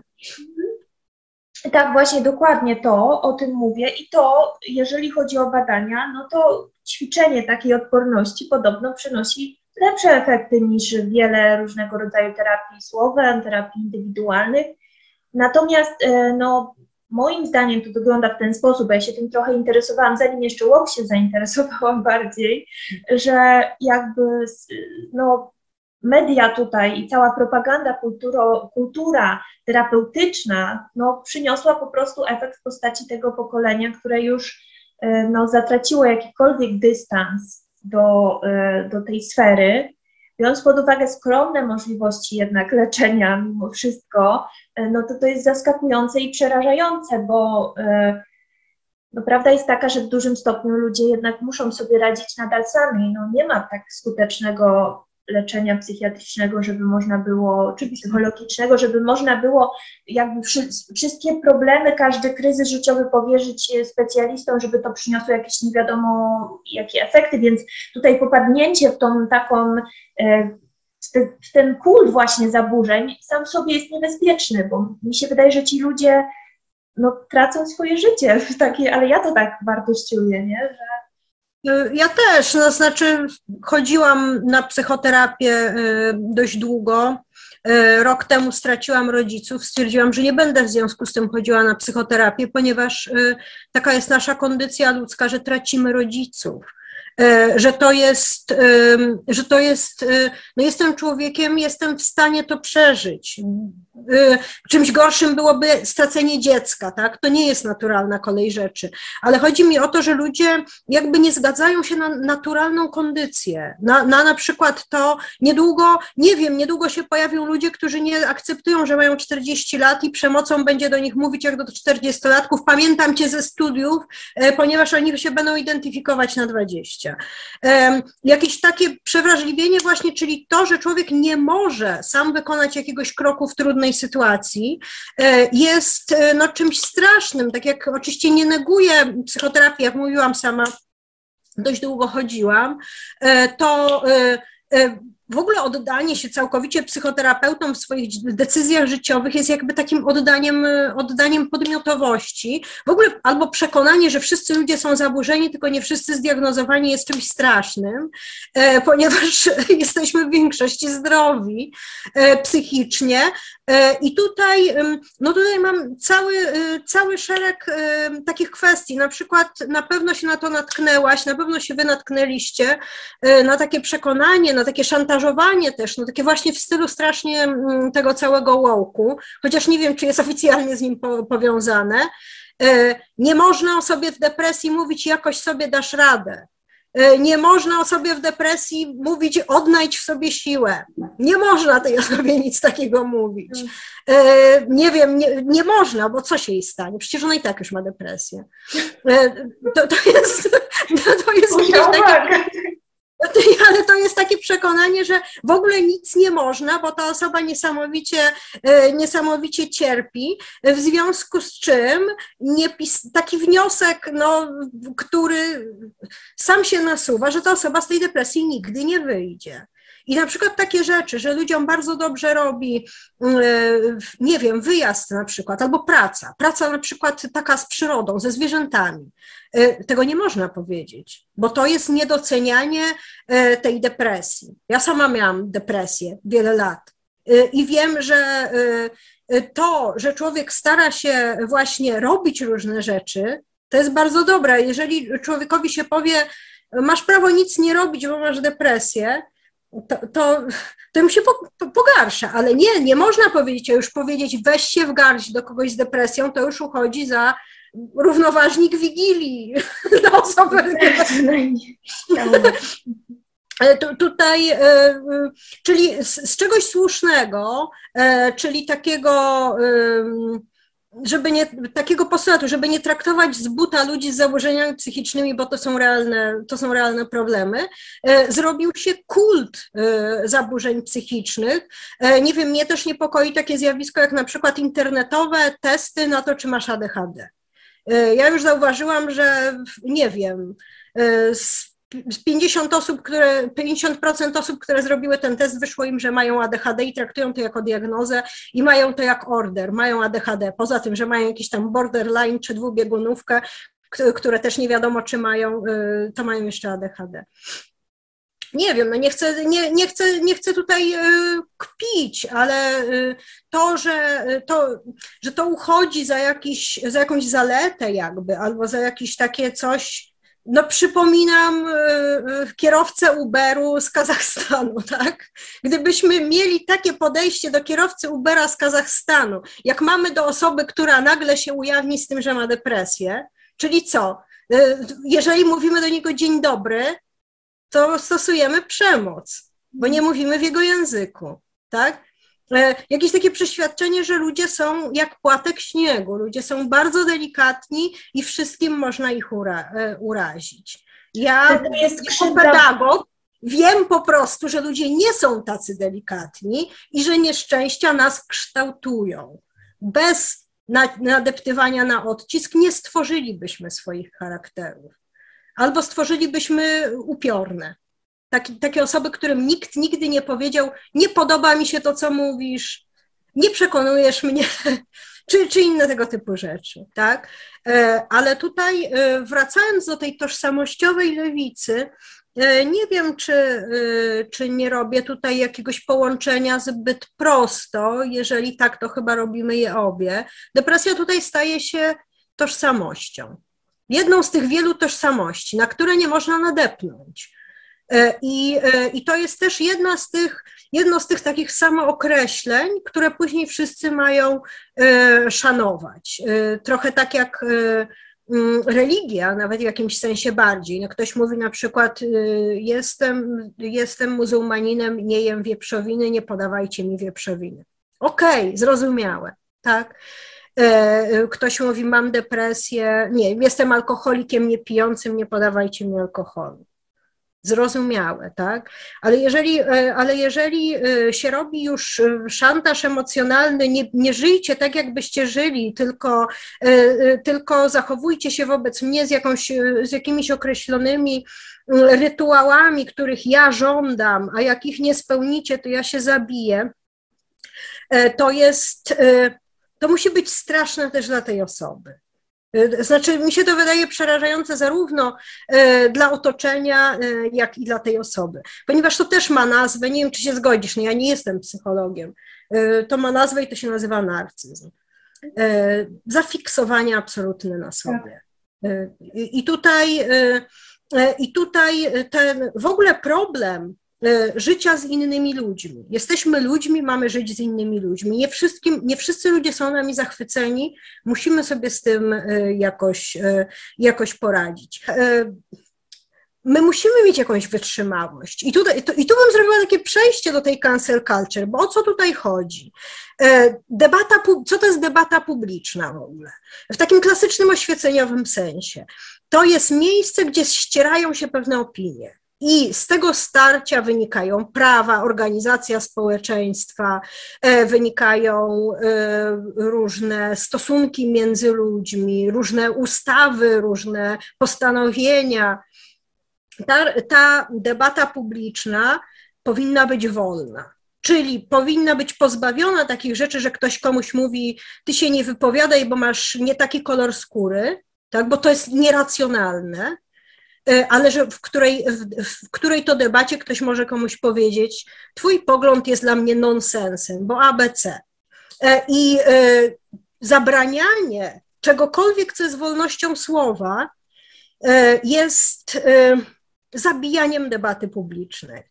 Cancel culture, te, te, te płatki śniegu zabijają debatę publiczną, ponieważ im się robi przykro od co drugiego logicznie zbudowanego zdania. Dla płatków śniegu używanie słowa kobieta w słownikowym sensie jest niewiarygodnym bólem. Dla płatków śniegu, nie wiem, powiedzenie, jeżeli masz 1,58 m i ważysz 160 kg, to to jest za dużo. To, to jest przemoc to jest fatfobia. E, tego nie można powiedzieć, tak? Więc e, e, jak, jakby całe obszary jakiegoś common sensu, czy badań, czy, czy, na, czy wyników badań naukowych są nie do przekazania, ponieważ kogoś mogą zaboleć. No tak, oni, tutaj... oni, tak, tak, oni zresztą bardzo wybiórczo podchodzą do tego, czyli oni takie przyjmują wyniki badań, nazwijmy to, jakie pasują do, do, takiej jakby postawy życiowej, bo to jest, no to jest pewna filozofia życiowa, dlatego mówię, że mi się trochę z romantyczną kojarzy. A trochę z jakimś... Tak, trochę tak. No na pewno z jakimś tam odrzuceniem rozumu tego szkiełka joka, tak. Mm, e, I tutaj e, to jest straszne niebezpieczeństwo. To jest niebezpieczeństwo y, tego samego kalibru, co, y, co no na przykład jakaś religijna dyktatura. Oczywiście tutaj nie dochodzi jeszcze do takich, y, do takich aż skrajności, w takim sensie, że to się, to się na razie, to jest na razie blokowanie debaty. No dobrze, ale powiedz mi, no jeżeli wiesz, jeżeli no jest to popierane przez polityków lewicy. Właściwie wszędzie w tych krajach zachodnich raczej oni się, to jest ich elektorat i, i no i tyle. I to jest, cokolwiek oni by nie wymyślili, to jest to wspierane. Mam wrażenie, że przekroczona została granica taka, że nie ma już możliwości potępienia przemocy, no bo tak jest, że ci ludzie wiedzą, że ta przemoc istnieje w internecie. Bo teraz ja nie wiem, czy możemy jeszcze mówić, wiesz, o kulturze ostracyzmu, takiej, czy tego anulowania, czy wykluczenia, jakkolwiek to tłumaczyć, bo te zdjęcia, które ja widzę na przykład kilka dni temu na ten mizoginistyczny transaktywizm, taki jakiś profil zbierający, to ale to takie powstają e, w różnych miejscach. No, człowiek jakieś tam zdjęcie z, z kwasem grożący, no jest tutaj zależność pomiędzy autorem, bo to nie wiem, to czy chyba nie było jego zdjęcia akurat, on to jakiegoś filmu wyciął, ale to już nie ma znaczenia. Groźba jest ewidentna, mogą stawać fikcyjne postacie z bronią, to jakby jest przestępstwo, tak? To jest zamienianie słowa ter na słowo już trup, znaczy na skrót, no takie, no to jest coś, co wymaga, y, moim zdaniem, może, nie wiem, mm, interwencji prokuratury. Tak, ja uważam, ona, że to wymaga interwencji oczywiście. prokuratury. I ona, I ona nastąpi i oby, i oby jak najwięcej było takich spraw, ponieważ to jest już po prostu nie tylko godzenie w dobre imię, ale to jest po prostu nie. grożenie. I, tu, I tutaj nagle proszę zobaczyć te, te, te, te, te wszystkie depresje, te, te przewrażliwienia, nagle osoba, która, osoba, która takie groźby otrzymuje, nie jest w ogóle człowiekiem, nie ma swojej wrażliwości. Nie wiem, oni ostrzeliwali, mówiąc o Polsce, tak? Ostrzeliwali hejtem e, kobietę dwa tygodnie przed urodzeniem dziecka, doskonale o tym wiedząc, tak?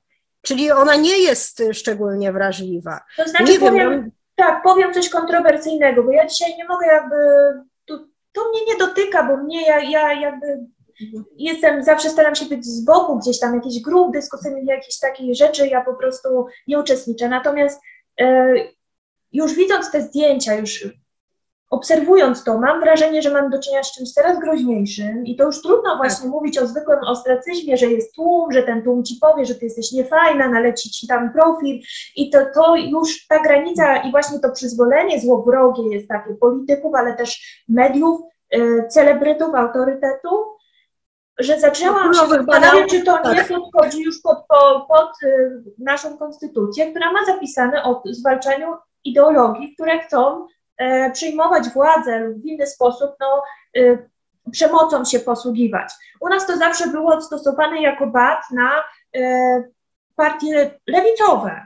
To znaczy było to faktycznie batem na partie lewicowe, no bo próbowano im udowodnić komunizm, ale podobno interpretacja tego przepisu jest inna, że nie chodzi tutaj o, no, w różnych miejscach na świecie partie komunistyczne są legalne, więc tu nie chodzi o samą ideę, tu chodzi o metody działania. I tutaj mhm. moim zdaniem bardzo ale ja, się, ja się, że ja się absolutnie zgadzam. Ja tak, uważam, że, można rzeczy po prostu że oni, ja tylko chciałam że, skończyć, że oni mają konkretną ideologię, która mówi na przykład, między innymi, bo u nas głównie na razie chodzi o płeć, ale przecież to dotyczy w różnych miejscach jeszcze tam e, rasy i innych rzeczy, że oni uważają na przykład, że gender jest ważniejszy w życiu społecznym niż płeć y, biologiczna i zamierzają przemocą doprowadzić do zaakceptowania tej teorii po prostu. Nie wiem, co o tym No tak, no, i tutaj też mamy, nie wiem, no, przyzwolenie na przemoc przy samoidentyfikacji, przemoc na przykład w więzieniu, tak, która, która jest nie do, uniknięciu, nie do uniknięcia przy przyjęciu tego, że każdy mężczyzna, który powie, że jest kobietą, ma prawo do y, kobiecych oddziałów w więzieniu, a nie jest wielką tajemnicą, że y, niektórzy mężczyźni są szczególnie źle traktowani y, w więzieniu męskim, w związku z czym mają ewidentnie powód, żeby iść do żeńskiego. Wracając do lewicy. E, ja całe życie byłam na lewicy, to nie jest tajemnicą. Mm, pochodzę też z lewicowego domu, więc jest to dla mnie tradycja jak ta wigilia e, dla katolików. E, I w tym momencie czuje się lewicą strasznie rozczarowana, mówisz, że to jest elektorat lewicy. To nie jest naturalny elektorat lewicy. Naturalnie lewica była po stronie robotników, po stronie ludzi pracujących e, fizycznie, mm, po stronie ludzi pracy najemnej, po stronie materii. Ja to zawsze podkreślam, lewica była zawsze po stronie materii, materialnego życia, tego, żeby ludzie mieli co jeść, tego, żeby ludzie mieli jeszcze czas nie tylko jeść, ale jeszcze się uczyć, rozwijać, i tutaj, e, czyli, czyli lewica była zawsze po stronie równości. Woke jest zaprzeczeniem lewicy, znaczy nie mówię, że on jest prawicą, nie wiem, czym on jest. E, nie wiem, czym jest czymś takim jak nowy wspaniały świat Huxleya, tak? E, jest jakąś antyutopią, no ja to nazywam dystopią. To nie jest lewicowe to jest, e, no, różnie moi koledzy różne wymyślają, że na przykład to jest libertarianizm, tak, że faktycznie jest tutaj ta wolność tak rozdęta, ale libertarianizm przede wszystkim stawiał na ekonomię, libertarianizm stawia na prywatną inicjatywę.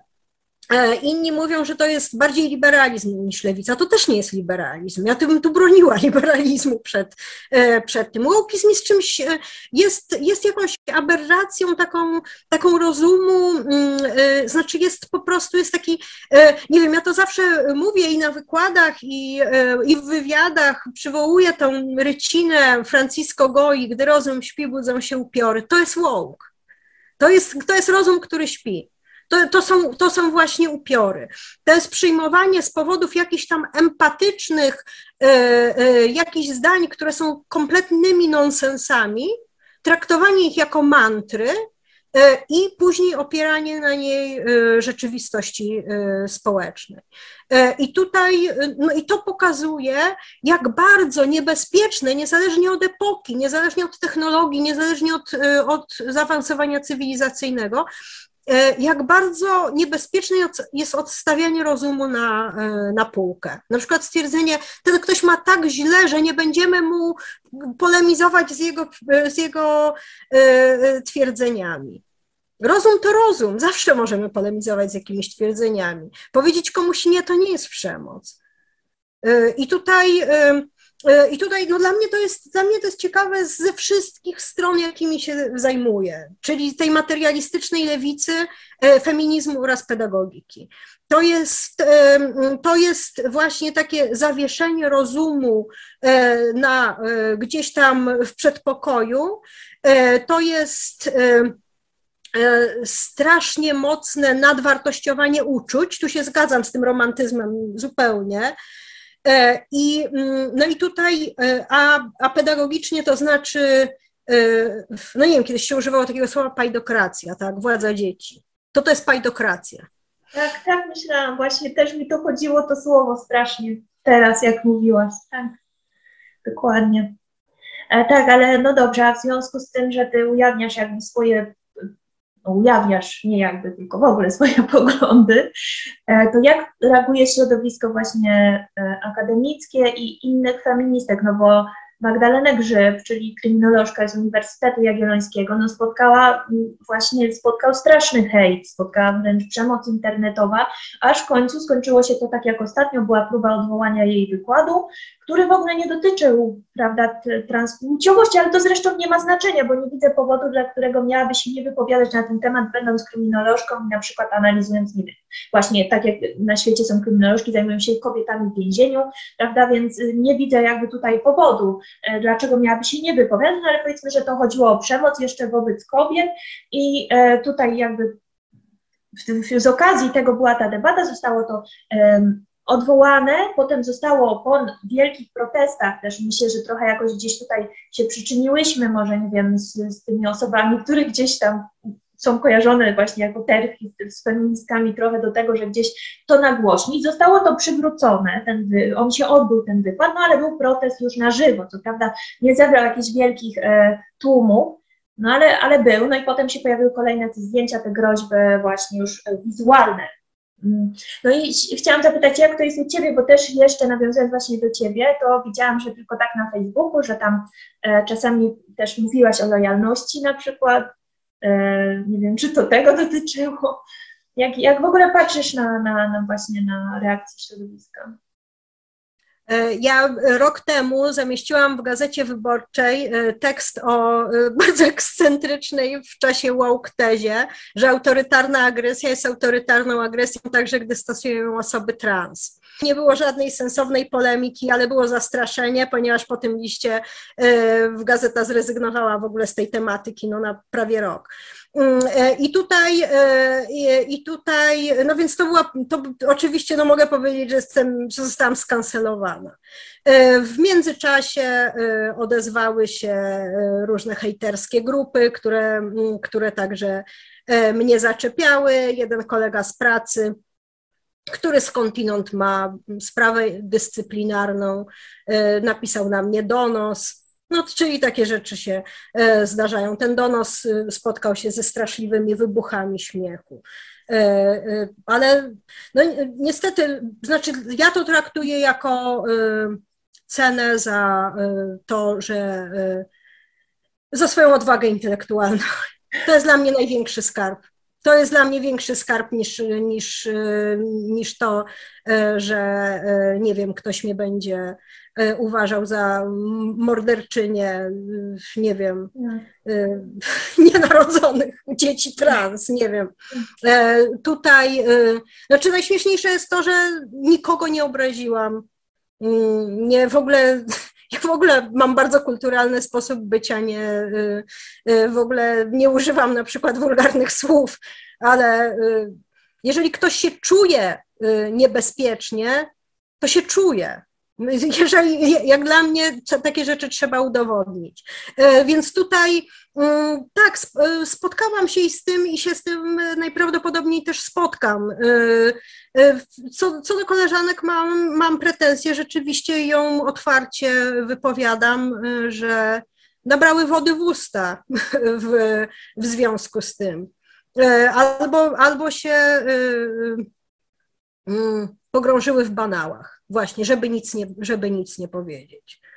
E, albo się dołączyły do tych, e, bo ponieważ pod tym kuriozalnym listem LGBT były podpisane moje koleżanki rzeczywiście z ruchu feministycznego warszawskiego, które, które e, znam.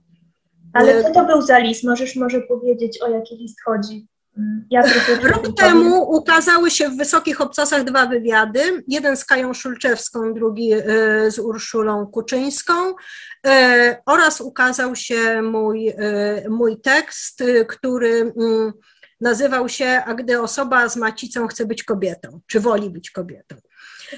Ja, ja generalnie pisałam o hejcie głównie że ten hejt, ten, ten hejt się, w, on w Polsce dopiero raczkował, natomiast te strony, na których ja byłam i z których się powypisywałam, jak, e, nie wiem, lewtawka mm, i dziewuchy dziewuchom, to tam uchodziły no, rzeczy dla mnie oburzające, no ale z tego, co ty mówisz, dzieją się znacznie gorsze rzeczy, tak? E, więc dla mnie to było oburzające, że się po prostu używa hejtu e, w stosunku do nieznanych kobiet nazywanych terfami i tak nazywane są kobiety, które nie chcą tych, tej nowomowy o osobach z macicami, która się skądinąd nie przyjęła, nikt tak nie mówi. I no i tutaj, więc ja napisałam tekst o hejcie. Analizowałam go pedagogicznie, bo na tym się znam. Analizowałam go jako takie przekierowanie agresji. E, że się wobec prawdziwej przemocy ci ludzie nie mają siły, ale pognębić kobietę w internecie e, siłę mają. E, oczywiście nie dałoby rady ze mną udowodnić mi żadnej przemocy, a polemiki, takiej polemiki, takiej debaty nikt nie podjął. Czyli, czyli zostałam zwyzywana od terfów, e, ileś osób mi tam groziło, e, ileś, ileś osób podpisało ten, ten list. No znaczy, to, to był list, że takie teksty nie powinny się ukazywać, bo one bolą e, jakąś tam grupę. Znaczy, polemika akurat ze mną była, była tego typu, że nie można w jednym zdaniu umieszczać E, autorytarna agresja i osoby trans, ponieważ osoby trans, jak rozumiem z definicji, nie, nigdy nie tak. mają autorytarnej agresji w sobie. Ja byłam pewna, dając wtedy ten tekst, że po prostu zacznę, wejdę w taką ostrą polemikę intelektualną, będę dyskutowała o tym, bardzo tego chciałam. Nie doczekałam się dyskusji. E, do, doczekałam się prób skancelowania mnie i, mm, i tak oskarżeń oraz gruźb. Z tego, co ja widzę, no to to w niektórych miejscach na świecie to zaszło bardzo daleko, tak? No, to, no tak jak Kathleen Stock, filozofka, która zresztą dała niedawno wywiad tutaj u nas też jakoś. A propos też... Kathleen Stock, ona powiedziała taką ciekawą rzecz, bo ja w ogóle, dla mnie jej książka jest objawieniem. Ja, jest to najlepsza książka, jaką na ten temat przeczytałam. Jak się czymś zajmuję, to czytam o tym wszystko, y, co się da, więc już y, prawdopodobnie przeczytałam na ten temat znacznie więcej niż te osoby, które, które każą innym się douczyć. I tak, Kathleen Stock jest z tego najlepsza, może dlatego, że jestem sama filozofką, E, jest, jest to dla mnie e, bardzo interesujące, ale ona w jednym wywiadzie powiedziała e, coś bardzo ciekawego, że wśród tych osób, które ją kancelowały, które ją, które tam uczestniczyły, na przykład te ze związku zawodowego, który uznał, że, że należy ją usunąć z uniwersytetu. Przypominam, Związek Zawodowy, też taka typowo lewicowa organizacja, która ma być po stronie pracowników. E, że wśród tych osób, które ją tak kancelowały albo na to przyzwalały, było więcej kobiet niż mężczyzn. I dla mnie to jest właśnie ten, dla mnie to jest gender, że e, odwaga e, kobietę znacznie więcej kosztuje. I kobiety się boją. No.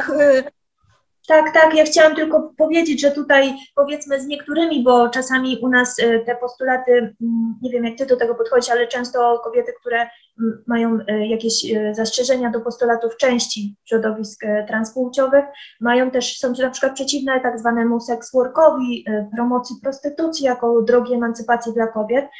E, I na przykład z niektórymi tymi postulatami, tak jak śpiewak podobno się zgadza, też często Jan Śpiewak e, czy, czy Piotr Ikonowicz, oni wyrazili to, że oni się jakoś tam zgadzają, z, też są przeciwni to, jeżeli chodzi na przykład o prostytucję. Nawet powiedzieli w jednym programie oboje, no tak, no faktycznie, jeśli nie istnieje płeć, no to po cóż feminizm. Więc jakby też wyrazili tutaj zrozumienie dla tej e, tezy. Też jakiś tam wrzucałam program, jakiś dziennikarz, to prawda, no powiedzmy mało rozpoznawalny, ale też się z nami zgodził i właściwie ja nie widzę, żeby ci mężczyźni byli jacyś e, potwornie poszkodowani, prawda? A e, no na pewno nie, no nie widzę jakieś tam odzywki, jakieś tam agresywne sformułowania wypowiedzi się pojawiają, ale to nie jest ta no nie, wtedy, kiedy, kiedy e, Jan Śpiewak skrytykował ten język autorytarny transaktywizmu, to do niego środowisko Łouku pisało, jak ty możesz popierać terfy a w tym samym czasie do terfów wysyłało groźby, że trzeba je prze, przemielić na nawóz, że trzeba e, je roztopić w kwasie, że trzeba z nich zrobić nawóz e, do ogródków, e, że trzeba je torturować, trzeba je trzymać w dołach. Takie rzeczy. No i to jest, to jest ta różnica genderowa, o której, od której zaczęłam, więc może nad tym też mm, skończmy że tutaj e, kobiecie więcej grozi w ogóle za wkroczenie do sfery publicznej. E, więcej grozi za korzystanie z tej sfery publicznej, czyli wypowiadanie swojego zdania. Niemniej jednak oczywiście warto. Tak, tak. No, też tak myślę. Myślę, że, że warto.